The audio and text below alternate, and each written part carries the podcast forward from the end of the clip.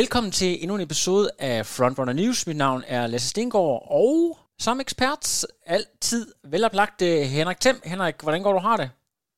Jeg har det godt, tak. Øh, Kronik er jo på toppen. Solen skinner, og det, det dufter og forår.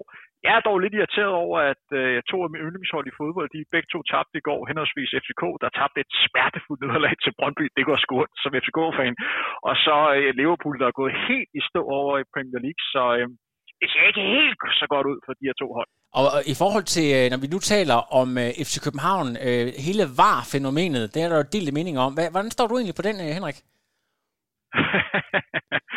Ej, jeg er godt og grundigt træt af VAR. Jeg er godt klar over, at FCK nok har været forholdsvis heldig med, med VAR, men jeg synes, det, det ødelægger lidt af det sjove Øh, og det mest interessante, jeg godt kan lide ved, ved fodbold, vi begynder at nærme os lidt mere sådan en slags underholdning, sådan en gang søndagsunderholdning, fordi man ved sgu ikke rigtigt, hvad der sker, når bolden er i feltet.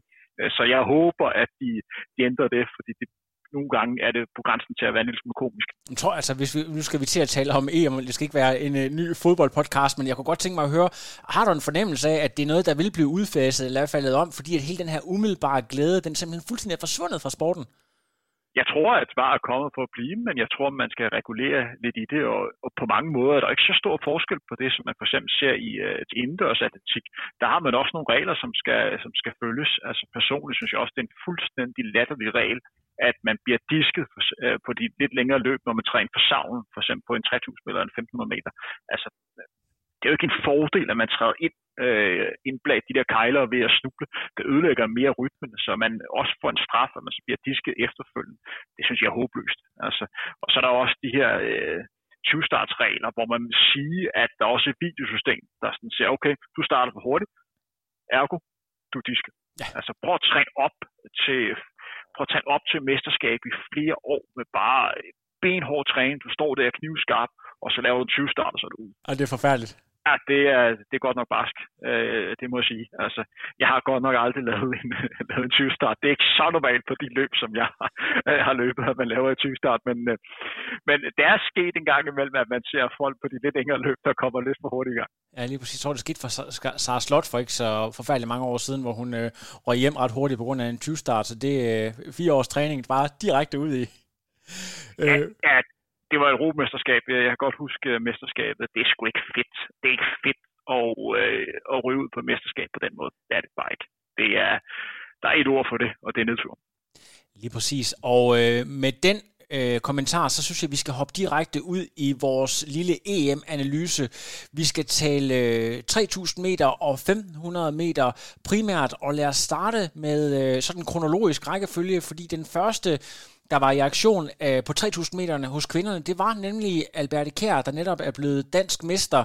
Og du havde jo faktisk kaldt den, da vi øh, sidst sendte her for, øh, kort efter... Øh, de danske mesterskab, hvor du mente, at hun i et lidt stærkere felt nok havde en uh, sub 9 minutter i sig, og det, uh, det var jo meget tæt på at ske med, med 9.00. Øhm, er du alligevel overrasket, Henrik, over, at hun forbedrer sin egen tid med uh, 7 sekunder og slår den danske rekord med, med 4 sekunder? Nej, det er faktisk ikke. Nej. Øh, ud fra hvad jeg så til DM, øh, så havde hun lige så, jeg tror endda også, hun kan løbe endnu hurtigere end det, hun øh, det hun gjorde i, i torsdags. Hun løber taktisk øh, perfekt. Hun lægger, sig, øh, hun lægger sig bagerst øh, den første kilometer, og så er det så tydeligt at se, at når de har overstået de første 1000 meter, så er hun klar over, at her der er hun der, hvor hun skal begynde at arbejde sig lidt op i feltet og få en lidt bedre øh, placering. De løber et progressivt løb, og tempoet gradvist bliver, bliver hurtigere og hurtigere. Øh, hvis hun skulle have kommet under 9, og hvis hun skulle have løbet endnu stærkere, så skulle den første kilometer nok have været lige et par sekunder hurtigere, og det koster lidt på den samlede sluttid, men generelt er det et rigtig, rigtig flot løb. Det er også tydeligt at se, at nogle af fordelen ved at komme fra en anden sportsgren, det er, at hun virker dejligt afslappet. Hun virker som en, der bare tager tingene, som de kommer, og ikke rigtig tænker på, hvem det er, hun øh, løber med, eller er til europamesterskab. Så det er det bare stævne som alt andet. Nu skal hun bare ud og præstere. Hvor andre, hvor de kender dem, de skal løbe mod, de kan nemt blive sådan lidt fanget af, wow, det er stort at være til europamesterskab. Nu skal jeg altså bare øh, vise, hvor sej jeg er. Her der virker hun bare som om, nå ja, det her det er bare et europamesterskab i løb. Jeg skal nok kunne finde ud af det her. Så rigtig positivt, Alberte, det må jeg sige. Der er jo også en sandhed i, at grunden til, at vi ser Alberte her, det er fordi triathlon-sæsonen lige nu er lagt lidt død på grund af corona. Der, er først, øh, der sker først noget igen til, til maj, og det er derfor, hun er med i det her mesterskab. Nu er det meget svært at svare, hvor hurtigt hun havde løbet, hvis hun ikke havde sin tre ved siden af. Det vil hverken undertegne, det vil du, og det vil Alberte nok ikke selv. Men det er nok den, der kan komme tættest på at svare på det spørgsmål. Det er nok øh, øh Alberte. Jeg er generelt af den opfattelse af den atlet, som Alberte og alle andre skal dyrke den idrætsgren, som de øh, personligt synes, der er fedest. Og jeg er da helt sikker på, at Alberte vælger at dyrke triathlon, fordi hun synes, det er, at det er sjovt, og hun ser, at det er der, hun hører øh, hjemme. Er hun så samtidig er god til at løbe og køre med til de her mesterskaber, det ser bare som et, et stort plus. Øh, så jeg synes, afgjort, at hun skal fortsætte med at være, være triatlet, og så se, om det ikke er muligt for hende at komme med til de absolut største mesterskaber. Jeg ved ikke, og det kan være, at du kan hjælpe mig der, men det er vel ikke helt urealistisk, at hun på et eller andet tidspunkt kan komme til OL i, i triathlon, så, og det vil jo være en, en kæmpe bedrift, øh, hvis det lykkes. Så jeg synes da bare, hun skal fortsætte øh, der, hvor hun er lige nu her. Og så kan det være på et eller andet tidspunkt, hvor hun tænker, at jeg har lyst til at give øh, løb øh, et skud, hvor det kun er 100% øh, fokus på det, øh, så skal hun da gøre det. En ting, man også skal forholde sig til, det er en atlet, som træner så mange timers udholdenhedstræning, som man formoder Alberte gør. Selvfølgelig kan hun også præstere godt øh, i løb. Altså, øh, det er ikke det samme, som hvis det er rent kilometer, men hun får da, hun får da lidt gevinst af det. Øh, det gør hun da bestemt. Altså, øh, så, så jeg synes bare, hun er, er super sej, og hun skal bare fortsætte øh, den vej, som hun har valgt her. Det er super interessant. Vi har jo inden for øh, triathlon, der er der jo både den individuelle konkurrence, og så er der de her mixed relay, og på nuværende tidspunkt, så er det jo måske mest øh, det her mixed relay, øh, hvor der er den største chance for, at hun kan komme med, men, men for fremtiden er der også mulighed for, at hun kan komme med som individuel. Hun er jo altså kun, det glemmer man måske lidt, de her 22 år, så der, der er altså masser af år endnu at, at gøre godt med. Ja, det bliver spændende at se, og så vil jeg, altså hun er jo en løber, som har været med i flere store internationale mesterskaber. Er relativt tidligt vist, hun har jo været en imponerende god løber, hun var også med til verdensmesterskabet i cross, så det er ikke en, der lige kommer ind øh, med fire tog, og så lige pludselig bliver god til at løbe. Det har hun altså vist i, øh, i mange år. Og jeg synes, øh, jeg er meget imponeret over den måde, som rent taktisk hun løb det her løb. Det virkede meget som om, okay, Først med, der skal jeg bare tage den ro, og derefter skal jeg bare op i feltet, og så må jeg øh, virkelig vise, hvad jeg kan til, øh, til sidst, og prøve at løbe så stærkt som overhovedet muligt på den sidste kilometer. Og det må man sige, hun får øh, eksekveret. Øh, rigtig, rigtig flot. Det bliver spændende at følge. Og den her tid på, øh, på 9.00, og så lad os sige, hendes niveau er 8.55, øh, det vil jeg tro. Altså, vi begynder at snakke om sådan 15.30, 15.35 tid på, på en 5.000 meter. Det er altså ganske godt for en kvinde. hun, hun begynder at være med der, hvor det begynder at blive rigtig, rigtig sjovt. Så i forhold til de, sådan, den europæiske elite generelt, altså der sidder jo nok nogen derude og tænker, ja, jamen, det er ganske flot dansk rekord og så videre, men, men hun kommer alligevel ikke med i finalen. Er vi stadigvæk for langt fra den europæiske elite inden for, inden for kvinderne her? Det, der er, er værd at nævne her på den her 3000 meter, det er, at hun kommer, jeg tror, der er halvandet sekund, øh, der gør, at hun ikke kommer i finalen. Årsagen til, at hun kommer så tæt på, det er, at der blandt andet kommer nogle løber, som bliver disket øh, fordi de trådte ind på, øh, ind på savn, og dermed ikke har mulighed for at komme i finalen. Så det gør, at hun ender med at komme relativt tæt på så skal man også nævne, at det her 3000 meter, hun løb i, at de absolut bedste løbere i Europa ikke stillet start. Så man havde faktisk et løb, hvor at, skal man se scenariet, hvor at danske Annemine Møller havde været med. Så tror jeg i princippet godt, hun måske kunne blive europamester det her. Det tror jeg, hun har øh, niveauet for. Så det var et løb, hvor at toppen af poppen, sådan en som Sifan Hassan, en klosterhavn for, for, for Tyskland, en Laura Mure, eller Myre for England ikke var med. Så det var de løber, der ligger på det næste niveau, der, der lå og dyste om det her europamesterskab. Øh, og vi har jo også andre danske løbere, der kunne være med her. Laura Valgren kunne også have gjort sig gældende, og øh, nu har hun godt nok valgt at gå over til orienteringssporten igen, men sådan en som Maja Alt øh, kunne også være med her. Så jeg tror hellere, man skal være glad for, at vi rent faktisk har en del kvinder, som vil have et niveau til at med i det her løb, og så også brede. Fantastisk. Øhm, vi går simpelthen kronologisk til værks, øh, og det betyder, at vi skal over og snakke øh, 1500 meter herre. Der havde vi jo øh, tre danskere med. Øhm, Christian Ulbjerg, han var den, der løb øh, først. Det var øh, måske ikke lige den bedste dag for ham. Han ender med at løbe øh, 53-18, og nummer 12 Efterfølgende så skriver Christian, at øh, han følte sig lidt drænet af de fysiske kampe, der var. Og det var også lidt det, vi så til DM øh, i de her kampe, der er, når felterne er lidt større, end, end dem vi normalt ser. Øh, hvordan vurderer du øh, Christian Ulbjergs løb her? Jeg tror, det er rigtig vigtigt, at man, man glemmer den tid, han løb på. Fordi hvis du kigger på sort, øh, sort og hvidt, og så kigger på Chris Mulberg, så 53, og så kigger på, at han har løbet 3.43 som personrekord sat i år, øh, så er det selvfølgelig en skuffelse ud fra det, han øh, han kommer med og har vist tidligere. Når man så kigger på løbet og, kigger, og tager det i mente, at de her indendørs løb, især mellemdistance 8 og 1500 meter, det er en regulær slagskamp under øh, slagsmål undervejs. Kæft, der er mange af de her små nærkampe. Og hvis man er uheldig, at det her kommer til at fylde meget, så kan det nemt en bryde øh, rytmen og gøre, at man bruger rigtig mange kræfter. Det, der er vigtigt i de her løb her, er, at man kommer ind og får en stabil rytme. Og jeg tror ikke på noget tidspunkt, at Christian kommer ind og får, øh, får den rytme. Og hvis man ikke får den her rytme, så på et eller andet tidspunkt, så bliver det bare hårdt, og så mister man et mod. Og så tror jeg også, at en løber som Christian, når han kan mærke, okay, jeg begynder at falde fra, de andre løber, de begynder at forsvinde ud af horisonten, så lider mentalt også knæk, og så bliver det rigtig hårdt øh, til sidst. Så jeg tror, det er meget vigtigt, at man ikke stiger sig blind på den tid, der står noteret ud for, at man kigger på det selve løb, som han, han løb i, fordi det er noget andet at deltage til Europamesterskabet. Det er de store drenge, og det kræver meget rutine at løbe den her slags løb. Det jeg håber for Christian, det er, at han kommer hjem fra den her lidt negativ oplevelse, øh, lidt på afstand, og så bruger det til ekstra motivation til sommersæsonen, hvor han nu her har alt mulig grund til at være ekstra sulten og jage de, de tider, som jeg ved, der ligger og venter på. Michael Jonsen, du, har vi talt om for nylig, måske har oplevet et lille formdyk. Her går han så ind og løber 3.43.76 for en 8. plads, og det er meget, meget tæt på hans øh, både personlige rekord og sæsonbedste på 3.43.2 vil man dermed kunne konkludere, at han er op på det høje niveau, øh, vi så ham på i, i januar måned, øh, ud fra det, han leverer her? Jeg synes faktisk, han løber et, øh, et ganske fornuftigt øh, løb.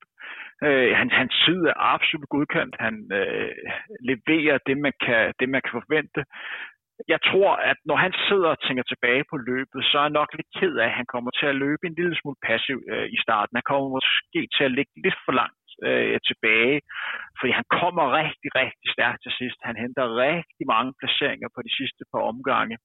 Og spørgsmålet er, om man har haft den samme afslutning, hvis han har ligget lidt længere frem i feltet. Det var også svært, at han har fået endnu flere slåskampe. Men hvis han er på den måde lige kunne have kommet på og hurtigere frem, så er det jo gjort, at sluttiden var, var blevet bedre. Men jeg synes bestemt, at det her det var et rigtig flot løb af ham. Jeg synes, han leverede det, man kunne, kunne forvente. Øh, så jeg håber for ham, at han bruger det her løb her, også den her mesterskabserfaring. Det er jo hans første store øh, mesterskab, hvor Christian Ulbjerg er med til flere ungdomsmesterskaber. Så er det altså det første for, for Michael Jonsen. Så, så brug det konstruktivt og arbejde videre med den her øh, gode fornemmelse, han lige med, trods alt må have til sæson. Jeg tror, der er mere at vente for Det tror jeg bestemt. Så har vi jo selvfølgelig øh, uh, Jetin Andreas Lindgren, der er inde i den her vanvittige positive stime til at starte med, så laver han et monster kvalifikationsløb, hvor han løber de her famøse 3.41. Så bliver han dansk mester, og nu går han faktisk ned, står for presset og leverer en uh, lille personlig rekord, så den nu hedder 3.41.25. Den hed øvrigt øh, uh, 3.41.34 tidligere. Er den her præstation nok, og bliver nummer 4 i heatet, skal vi lige sige, er den her præstation nok til at, at give øh, Fidus Bamsen fra, fra din side, øh, Henrik Thiem? Han er en af kandidaterne til øh, Fidusbamsen, men jeg har faktisk ikke givet det til ham. Du kan jo glæde dig til at høre, ja. hvem jeg har givet den til. Hvis jeg lige skal sætte et ord på, eller nogle ord på Andreas Lindgrens løb, så først og fremmest, så det er jo en rigtig flot tid, og jeg synes, han løber et, et super løb. Han er meget, meget tæt på at komme i finalen. 3.41.25 er en, en europæisk øh, supertid. Det er tydeligt, det er en løber, der tror meget på sig selv hvor man godt kan se på Michael Jonsen og Christian Ulberg, at de måske tvivler en lille smule på dem selv, forstået på den måde, at det sidste løb op til mesterskabet, havde de måske ikke den bedste oplevelse, fordi de begge to kan man godt sige, havde lidt skuffende dansk mesterskab. Så er det anderledes for Andreas Lindberg. Uh, øh, han går ind, han har sat to personer i kortet, han er lige på dansk mester, han går ind med tro på sig selv. Og den måde, man kan se det på, det er, at han skal selvfølgelig frem og ligge i, øh, i det, den første tredjedel. Så han ligger rigtig godt placeret Øh, og det er heldigt for ham, at det bliver et tempoløb, fordi det, det ligger godt til Andreas. Der, hvor han stadigvæk mangler det sidste, det er i afslutningen. Årsagen til, at han ikke kommer med videre, det er, at han mangler lige det sidste øh, på de sidste par omgange. Og det er altså ting, som han skal have fokus på at arbejde endnu mere med til denne afslutning, og det ved jeg også, at Andreas har. Men generelt et rigtig flot løb. Og så altså han løber jo lige op med sådan en løber som Philip Ingebrigtsen, som sidste år løb 3.30 på, øh, på 15 meter. Det er altså lidt af en skald, og lige pludselig at slå væk fra finalefeltet. Øh, Philip, man ligger der og havde de to hurtigste øh, med for hver heat, og så var der øh, de fire hurtigste tider, og han sørger altså for, at Philip Ingebrigtsen lige rører væk fra, øh, øh fra den øh, top 4 liste der. Det er, det er lidt af en skald at få. Øh, det er sgu flot. Han kan godt være imponeret af sig selv. Det var, det var meget, meget flot. Og så skal vi direkte derfra over til 3000 meter, hvor vi også havde tre herrer med, og hvis vi lige prøver at tage dem, øh, også hvordan de, sådan som de løber. Jakob Dybdal, den nykårede danske mester på distancen, du har været en lille smule efter ham på grund af hans, øh, skal vi sige, lidt ustabile præstationer. Altså, det kan både være, øh, være lidt himmel og lidt helvede. Øh, den her gang, der præsterer han altså at løbe 8.08.04. Han blev nummer 8 i, i sit heat her. Hvis man nu sammenligner med det guldløb, han, han præsterede til det danske mesterskab, kan man, kan man drage nogle sammenligninger? Fordi det var vel ikke øh, det, som, øh, som vi kunne forvente af Dybdal, eller det, som han forventede af sig selv, vi, vi så her? Øh, jeg, vil, jeg vil svare på to måder. Øh, jeg så ikke øh, de tre 3000 meter øh, live. Øh, jeg havde nogle familieting, jeg blev nødt til at have fokus på, så jeg så løbende senere. Jeg så dog resultaterne, og det første, der slog mig, da øh, resultatet for Dybdal kom ind, og for de andre drenge, det er, det er en lille smule skuffende. Men det viser øh, kun, hvor vigtigt det er, man husker at se løb.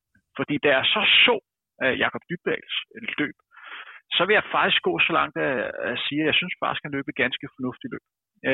Det er et løb, hvor de løber forholdsvis passiv den første kilometer. Han ligger og runder omkring 52 den første, øh, de første 1000 meter. Han ligger fornuftigt i feltet. Dernæst så øger de gradvis hastigheden.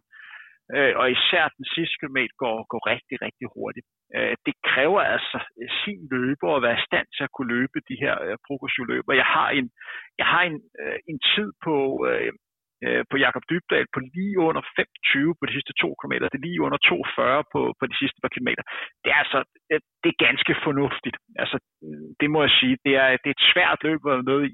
Så jeg synes godt, man kan tillade sig øh, at være tilfreds med hans øh, præstation. Fordi hvad skal man gøre her? Skulle han gå frem og, og, og trukke de andre? øh, med det mente, at der var rigtig stor chance for, at han efter 1500 meter bare kunne se alle løber bare løbe fra ham øh, eller skulle han øh, vælge nogle andre øh, taktiske overvejelser. Jeg synes, han gjorde det eneste rigtige. Man kan diskutere, om man måske skulle lægge en lille smule længere op i feltet til at starte med, men det er, det er små ting. Altså, jeg synes, han løb på den, på den eneste rigtige måde, fordi det er svært at løbe de her indledende, indledende hit. Men jeg er glad for, at jeg så løbet, fordi øh, det gjorde, at jeg sådan efterfølgende sagde, tænkte, at det her, det skulle, øh, det skulle godkendt. Altså, øh, det skulle meget godt løbet. Så har vi jo øh, Joel, der skyggebokser og skyder imaginære pile, i, øh, da han bliver introduceret, fyldt med selvtillid. Han får faktisk samme placering som Jakob Dybdal, nemlig en 8. plads, men i en markant hurtigere tid. Nu ved jeg jo godt, at du har sagt i mesterskabsløbet inden for atletik, der handler det udelukkende om, øh, om placeringer. Så, så folk, der sidder udefra og kigger, de, de vil måske sige, okay, Joel, det er jo et meget, meget bedre løb, han har her, men hvordan, hvordan vil du egentlig udlægge det? Øh, fordi placeringen er jo den samme, øh, selvom at tiden er hurtigere. Øh, den store forskel på, øh, på Joels løb, det er, at det bliver tempoløb. Øh, hvor at de to andre løb, både for Jakob Dybdal og for Mikkel Dahl, der bliver det nogle, nogle progressive løb. Mikkel Dahls løb er alligevel øh, en lille smule anderledes, det vi kommer ind på øh, lige om lidt. Men Jol, der bliver løbet øh, tempo på starten. ham der Weitzer øh, for Østrig, som er en glimrende 15 og 3.000 og 5.000 løber. Og øh, hvem er mere Ante Butcher, der sådan, øh, går frem og, og, og trækker tempo. Og jo gør det eneste rigtige, det er at prøve at følge med, men han får øh, stabile mellemtider på sådan noget øh, 2.38, 2.39, så han får stort set optimalt løb i hele vejen igennem, og skal ikke tænke over de her taktiske elementer. Skal jeg gå frem? Hvad, hvad skal jeg nu her? Det eneste, han skal fokus på, det er at princippet bare, øh, bare hænge på. Øh, så jeg synes, at han gør det, gør det eneste rigtige, og får nok også det, man kalder et, et maksløb. Der, hvor jeg stadigvæk tror, han har lidt at hente, det er, at øh, jeg tror, at det er mentalt, det ville i hvert fald have været for mig, at det tidspunkt, hvor at han lige slipper feltet for de forreste løber, og stadigvæk holde gejsten til lige at give det sidste til sidst. Fordi det er svært, når man har ligget med sådan en frontgruppe, hvor måske ligger lige på grænsen, og så bliver man sat, og så være i stand til stadig at holde motivation, for man er godt klar over, at man kommer ikke i finalen. Men det her kunne meget vel have blevet en tid meget tæt på et personrekord, måske også en ny personrekord, hvis han lige kunne holde gejsten til sidst. Men jeg synes, det var et, et flot løb af, af Jo, det må jeg sige. Så var det jo Mikkel Dahl, som også var i et super hurtigt heat her, bliver, bliver nummer 9. Du, siger, du fortæller mig lige før, at øh, når man sidder og kigger på, på tiden, så kan man tænke sit, men hvis man så går ind og analyserer øh, racet, er det en helt anden sag. Jeg tror, øh, jeg har en fornemmelse af, at øh, du har noget guld omkring øh, Mikkel Dahl gemt.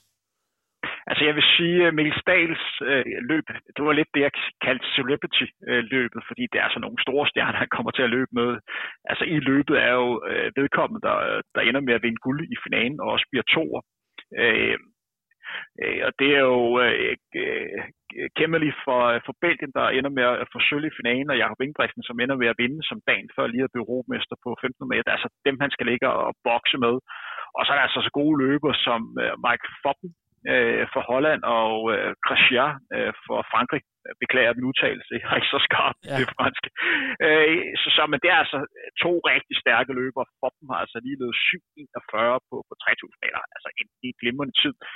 Øh, de er godt klar over, at der er så kun øh, ganske få løber, der har en direkte kval til finalen, så, så dem han går, går frem øh, og, og, og trækker højt tempo på, og så kommer der Gracia øh, med efter 900 meter, og så har fået de hul ned til feltet. Og så ligger der sådan en frontgruppe, hvor øh, Jakob Ingebrigtsen ligger og, og lidt overvejer, hvor meget tempo skal der på, hvor meget kraft der skal bruge, fordi jeg ved, at jeg kan de her løber til, øh, til sidst. Det er rigtig svært løb for, for Mikkel Dahl, for han ligger der i, en, i mellempositioner og kan se, at Jakob han ligger og nøje overvejer, hvor meget kan de tillade sig at få, og hvad skal man gøre her? Altså, øh, det her det er virkelig, virkelig svært løb for, øh, for, for Mikkel Dahl, så jeg synes, det er, det er meget imponerende, at han stadigvæk kommer hjem i en tid på lige over 8 minutter. Øh, I min verden, så øh, vil, ham, vil jeg give ham for øh, fidubamsen for det, fordi jeg synes, jeg synes virkelig, det er et svært løb at løbe, når løbet udvikler sig på den måde. Og det ender med, at ham der, øh, Mike Foppen, som er altså en glimrende løber, han lige akkurat ikke kommer i finalen, fordi de to drenge, øh, Kemmeli og Ingebrigtsen, de har luret den her og kommer op på de absolut øh, sidste meter.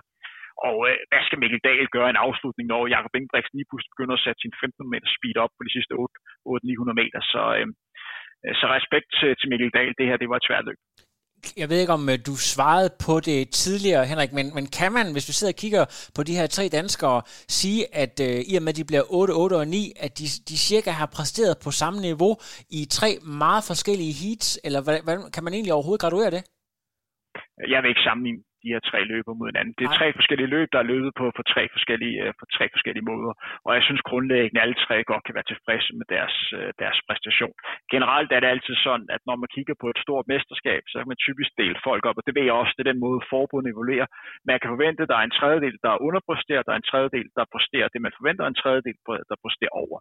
Jeg vil faktisk sige, at alle de her tre løber nogenlunde præsterer det, man forventer, ud fra hvordan løbet udvikler sig. Jeg synes ikke, der er nogen af dem her, som der kan tillade sig at være Øh, Øh, være skuffet. Selvfølgelig er jeg nok håbet på, hver især at få nogle bedre tider, men ud fra hvordan løbet udvikler sig, så synes jeg, at de løb rigtig, rigtig fornuftigt, og det bliver spændende at, alle, at følge dem alle tre i, øh, i resten af 2021-sæsonen. Og så skal man også lige være klar over, at niveauet på den her 3000 meter, også på 1500 meter, det var rigtig, rigtig højt. Altså mange af de bedste øh, løbere i Europa var, var med her. Det var, det var højt niveau. Ja, det må jeg sige. Så øh, de har godt til at være tilfredse alligevel. Kan du ikke lige prøve at gøre os lidt klogere på, vi taler om det her med, om heatene de er hurtige eller langsomme. Ved løberen det på forhånd, når de sidder og tjekker startlisten? Det bliver formentlig hurtigt. Det bliver muligvis et taktisk løb, det her. Er det noget, man kan forberede sig på, eller er man bare nødt til ligesom at følge dynamikken, mens man er i konkurrencen? Det afhænger meget af, hvad for nogle løber, der er med, og hvad for et, nummer hit, man, man løber i. Øh, typisk skal man være, være klar over, at der er stor forskel på, om, der er nogen, om det kun er de to-tre hurtigste tider, der går direkte i finalen, eller er det også det, man kalder tabertider, der går med. Øh, fordi hvis man kommer i tredje heat, og lad os sige, at de tre hurtigste er garanteret en finalplads, og så de fire hurtigste tider, så er der altså en del løber, som har stor interesse i øh, og sætte, øh, sætte tempo på, fordi i stedet for kun der er tre, der kan komme i finalen, så er der syv, der er mulighed for at kunne komme, øh, komme videre. Hvis det løb, hvor at man ved på forhånd, der er ikke nogen bedste tider, men lad os sige, de kun, øh, de, øh, de, kun de tre første er sikkert en finaleplads, så man typisk, at det bliver et, et taktisk løb, fordi du skal virkelig være god, hvis du skal kunne køre den hele vejen på spids, fordi man, det er ikke det samme som i cykling, men du henter alligevel lidt ved at ligge, øh, ved at ligge i læge. Fordelen øh, ved at ligge i, i front, når vi snakker indendørs, det er, at man kan slippe for de her slåskampe, øh, som typisk vil komme, og det så vi i rigtig mange løb, at folk ligger og bokser lidt med hinanden. Hvis vi skal kigge på det her EM overall for, for de sådan danske præstationer, og også kigge på øh, mellemdistanceløb og sprint, Tror du så, at øh, Dansk Atletikforbund er, er tilfredse? Mener du, vi kan være tilfredse med, med det, vi har set? Hvis vi kigger sådan all round, så kigger på øh, en samlet dansk øh, præstation, så først og fremmest så fik vi et rekordstort øh, dansk EM-hold. Det synes jeg er meget positivt. Jeg synes, alle danske atleter fik øh, vist sig godt frem, og det, vi, og det viste, at der virkelig er kløde i, i dansk atletik. Vi fik to nye danske rekorder. Øh, Astrid Glenner på, øh, på 60 meter, så Alberte Kær. Det synes jeg er utrolig flot at gøre det til et stort internationalt mesterskab. Og så fik vi en finaleplads på, på 60 meter. Jeg kan ikke huske, hvornår vi sidst har haft en, en dansk sprinter på 60 meter øh, for herre. Også på Geners øh, på Kojo, så det synes jeg var meget imponerende.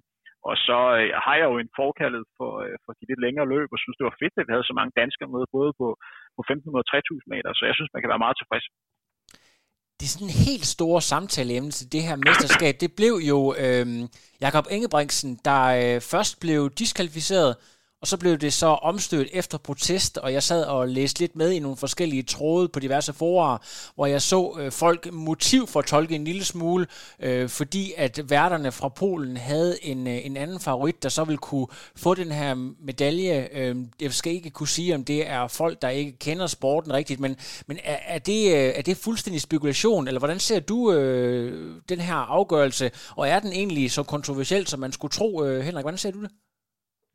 Jeg siger, den, øh, den snak om, øh, man, øh, man ville diske øh, Jakob Ingebrigtsen, fordi man havde en egen fordel med at sin egen atlet. Øh, Marcin Lewandowski ville få guldmedalje, det tror jeg godt, man skulle til gøre.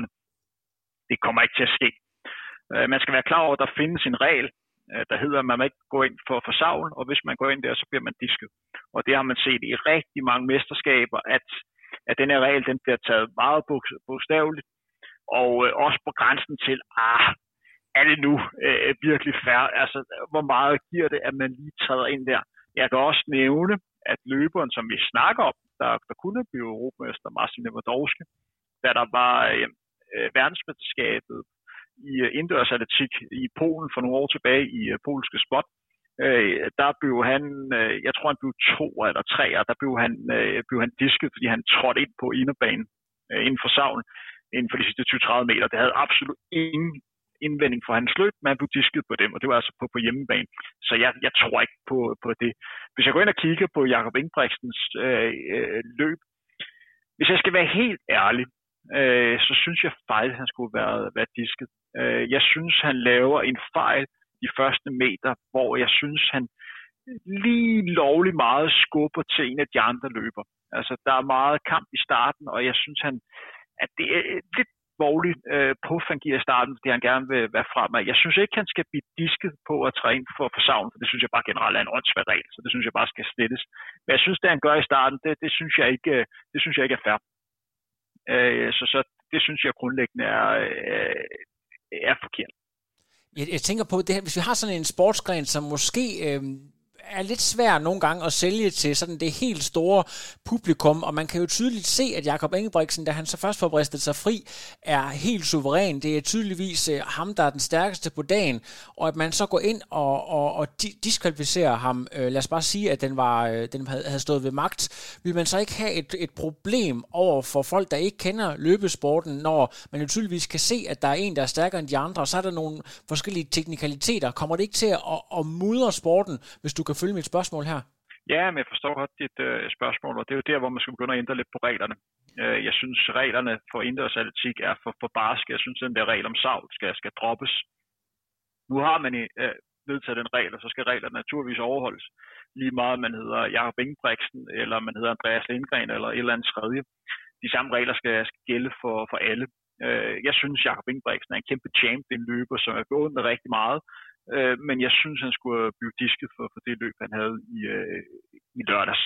Altså, øh, ikke så meget, for han gik på savl, men for den skub, han lavede øh, de første øh, par meter. Når det er sagt, så synes jeg, at en løber, der er så god som Jacob Ingebrigtsen, han er, han er virkelig en god løber. Så skal han ikke sætte sig selv i sådan en position, hvor sådan noget kan ske.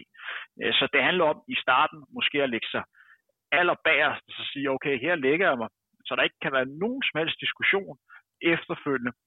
Og så når der er gået 200 meter eller 400 meter, så går jeg op i spidsen, og så kører jeg bare med eget løb og viser den champ, jeg er. Eller så bare tage løbet for, øh, for spids af, og så bare smadre dem alle, fordi det vil han også have kunnet. Altså, den her øh, løber er niveau bedre end alle de andre, så det handler bare om at sikre sig, at der er ting, der ikke kan gå galt. Og jeg synes i starten, han får lidt placeret sig forkert, og det burde en løber på så højt verdensklasse-niveau, som Jakob Ingebrigtsen har, øh, det burde han ikke gøre. Men jeg giver dig ret i, at for den genske tv-serie kan det godt føles lidt mærkeligt, at man vælger at diske en løber, som er åbenlyst bedre end alle andre. Ja, bare sådan øh, fra arrangørens side og som et mesterskab, øh, føler du, at det er blevet øh, afholdt med, med den øh, prestige, med den, øh, altså inden for de her øh, lidt mærkelige tid, vi lever i, men, men er, er, kan, kan de være tilfredse med det her europamesterskab? Jeg synes, det var et rigtig fint europamesterskab. Øh, jeg sad og var rigtig godt humør, øh, da jeg så øh, mesterskabet. Jeg synes virkelig, det var, det var god, god atletik. Der er en, man mangler nogle af de absolut største stjerner. Og det var sær igen for, for kvinder, synes jeg, på 8, 15 og 3000 meter. Og sikkert også nogle af de andre discipliner, men det var der, vi har mest fokus på det. Øh, der synes jeg, man, man mangler noget. Og det er altså løber, som øh, nok prioriterer udendørssæsonen, øh, hvor OL helt sikkert kommer til at øh, fylde meget. Men det her viser også, at sådan en stævne som Europamesterskab i indendørsatletik er måske et meget godt stævne øh, for der, hvor de danske atleter er lige nu her. Altså rent niveaumæssigt, så passer det nok meget godt til der, hvor Danmark er nu her. At det er et løb, hvor, eller et stævne, hvor Danmark har mulighed for at kunne præstere på øh, øh, og være med uden at, uden at falde igennem. Så jeg synes bare, at på mange måder, øh, så var det, et, øh, var det et godt stævne, øh, hvor der var en masse danske atleter, der, blev, øh, der fik dyste mod øh, lige mænd, eller lige kvinder, hvis man kan sige det sådan. Lige præcis. God reklame for sporten herhjemme. Øhm, Henrik, du skal lige have mulighed for at øh, gøre et øh, såkaldt podcast plot for den anden podcast, du kører, der hedder Be a Runner. Hvor langt er du nået i udsendelsen? Jeg er nået til afsnit 23, tror jeg. Mm. Øh, jeg skal i morgen skal jeg lave et interview med Buber, som jeg har tidligere beskæftiget, eller lidt hjulpet i forbindelse med noget løbetræning. Så han skal snakke om, øh, hvad han synes, der er fedt ved at være, være løber i morgen. Så det glæder mig til. Han ja. er snart med i udsendelsen. Så Ej. hvis du har nogle gode spørgsmål til Buber, så må du lige uh, sige til. Ja, men jeg har fuldt Bubers karriere lige siden badekarter og op til, til BS, og du må hilse Buber mange gange. Jeg er meget, meget stor fan af ham er, han er sgu en god mand. Jeg kan godt lide, øh, jeg kan godt lide Bubber. Altså, han er sgu, øh, øh, han er sgu, han er sgu flink. Jeg kan godt lide ham. Øh, og ellers øh, gør opmærksom på, at øh, vi sidder og optager øh, mandag den, øh, den 8. af forhåbentlig kommer udsendelsen også ud i dag, eller så kommer ud den 10. Men der kommer også en udsendelse ud med Red Ronholdt, i anledning af øh, kvindernes øh, kampdag har vi lavet endnu en udsendelse med Rikke Rønvold, hvor hun selv løber på, hvordan hun, øh, hvordan hun synes dækning af kvindeløb er herhjemme. Dygtig Julie Rivold har taget en snak med Rikke Rønvold. Klart anbefaling herfra. Den skal I høre. Der er masser af gode guldkorn. Fantastisk. Og vi er forhåbentlig tilbage med endnu mere news, så stay tuned.